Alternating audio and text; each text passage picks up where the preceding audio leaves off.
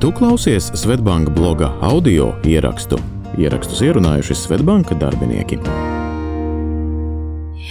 Piecas biežākās investoru bažas un kā tās pārvarēt.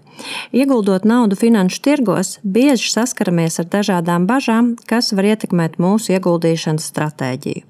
Šeit es atklāšu dažus ieteikumus, skaidrojumus no Svetbanka ieguldījuma līnijas vadītāja Rolanda Saula. Vai finanšu tirgi varētu piedzīvot krīzi vai gluži pretēju augšuplēju? Uzsākot ieguldīt, vai jau esot investoram ar pieredzi, bieži vien vēlamies atrast īsto laiku, kad iegādāties akcijas vai kādus citus finanšu instrumentus. Tas arī ir galvenais iemesls vienai no visu laiku lielākajām bažām - vai ieguldīt īstajā brīdī. Laikā, kad finanšu tirgi piedzīvo lejupslīdi, satraucamies, vai tie nekritīs vēl, vai mēģināt noķert momentu, kad ieguldīt ir visizdevīgāk, jeb citiem vārdiem ir iespēja iegādāties vairāk aktīvu par mazāku naudas summu. Savukārt citi krituma brīžos satraucas, vai gadījumā ieguldījumus nevajag apturēt vai pat pārdot esošos aktīvus, tādējādi riskējot nofiksēt zaudējumus jeb savus mīnusus. Te der atcerēties, ka finanšu tirgi piedzīvo svārstības regulāri, taču vēsturiskie dati rāda, ka akciju vērtība ilgtermiņā tomēr pieaug. Tirgi pie strauja krituma pakāpeniski atgūsts un palīdz uzveikt inflāciju ilgtermiņā. Ja bažas ir lielas, var apsvērt iespēju samazināt savu ieguldījumu un sagaidīt veselīgu finanšu tirgus korekciju, lai atsāktu ieguldīt. Taču jāņem vērā būtiska nianse. Samazināt jeb pārdot savus ieguldījumus ir prātīgi tikai tad, ja tie ir ar peļņu, nevis ar zaudējumiem. Varat izvairīties no lieliem vienreizējiem ieguldījumiem brīžos, kad tirgus šķiet neizdevīgi augsts, un tā vietā izvēlēties regulārus, bet mazākus ikmēneša ieguldījumus. Svarīgi ir arī izveidot labi sabalansētu ieguldījumu portfeli, ieguldot savus līdzekļus dažādās nozarēs, pasaules reģionos un tā tālāk, lai peļņa turpinātu augt neatkarīgi no tirgus svārstībām. Vai es ieguldu pietiekami daudz, lai spētu nopelnīt? Nav viena zelta standarta, cik noteikti būtu jāiegulda, lai finanšu tirgos spētu nopelnīt. Šodien iespējas sākt investēt ir pat no dažiem eiro, un tas noteikti ir labāk nekā neinvestēt vispār. Taču, lai saprastu, cik no jūsu ienākumiem būtu vēlams ieguldīt, var pieturēties pie vienkāršas pamācības.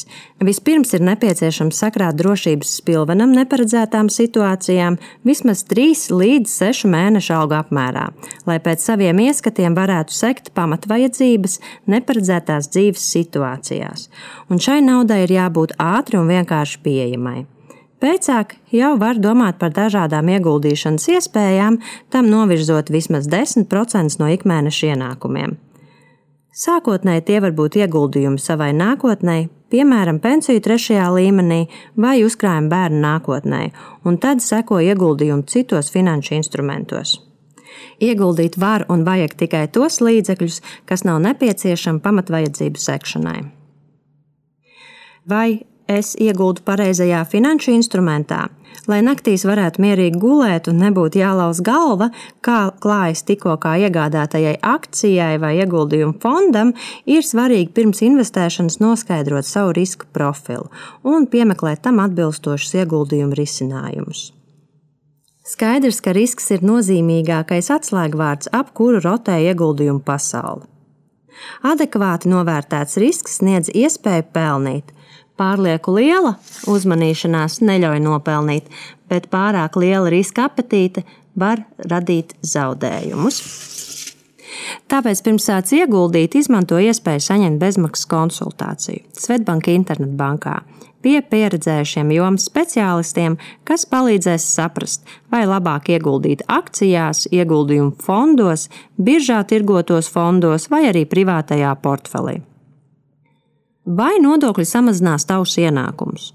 Nodokļi ir viens no būtiskākajām lietām, kas jāizpēta pirms sāc ieguldīt, un arī kas jāņem vērā, kad aktīvi ir pārdoti. Latvijā no gūtās peļņas ir jāsamaksā nodokļi, kā rezultātā neto peļņa pēc visiem nodokļiem būs mazāka nekā bruto peļņa jeb peļņa pirms nodokļiem. Tāpēc pirms ieguldīšanas vajadzētu iepazīties ar saistošām nodokļu niansēm katram ieguldījumu veidam. Piemēram, privātajam portfelim, pensiju trešajam līmenim nodokļu apmaksa tiek veikta automātiski. Pašam nekas nav jādara. Turpretī, piemēram, ETF vai akciju gadījumā nodokļu nomaksa būs jāveic pašam. Iedomāsimies, ka es ieguldīšu kāda uzņēmuma akcijās 1000 eiro. Nopērkot katru akciju pa 5 eiro, kopā 200 akcijas. Pēc gada akciju vērtība ir pieaugusi līdz 10 eiro, un sākotnēji ieguldīto 1000 eiro vietā tev jau ir 2000 eiro. Ja izlem pārdot visas 200 akcijas, tad no brutto peļņas, kas šajā gadījumā sastāda 1000 eiro, būs jānomaksā nodoklis, kas Latvijā ir 20% jeb 200 eiro. Tātad pēc nodokļu nomaksas neto peļņas sastādītu 800 eiro. Vai ieguldījums spēs palīdzēt ārkārtas situācijā? Ir tiesa, ka ilgtermiņa investīcijas sniedz kumulatīvās peļņas priekšrocības, un tās neietekmē tirgus svārstības. Tomēr arī īstermiņa un vidējā termiņa investīcijām ir savi plusi. Tās ļauj izmantot tirgus sniegtās iespējas, ieguldījumus pārdodot pēc dažiem mēnešiem vai gadiem. Tātad, uzsākot ieguldīt akciju tirgū, nauda nav jāiesaldē uz desmit gadiem. Standarta gadījumos to var saņemt atpakaļ diezgan ātri, pāris dienu laikā, lai ieguldītu kādā citā instrumentā vai izlietotu citādi. Tomēr pēc pieredzes var teikt, ka drošāk ir pieturēties pie ilgtermiņa ieguldījumiem, kas sākas no pieciem gadiem un kas ļauj pasargāt savu ieguldījumu no tirgus svārstībām. Tātad, jo ilgāks ieguldīšanas periods, jo lielāka iespēja, ka gūtā peļņa būs lielāka. Taču tas nenozīmē, ka ieguldījumiem atvēlētā nauda nav pieejama arī ātrāk. Šo un citus rakstus iespējams izlasīt blog.svetbank.cl.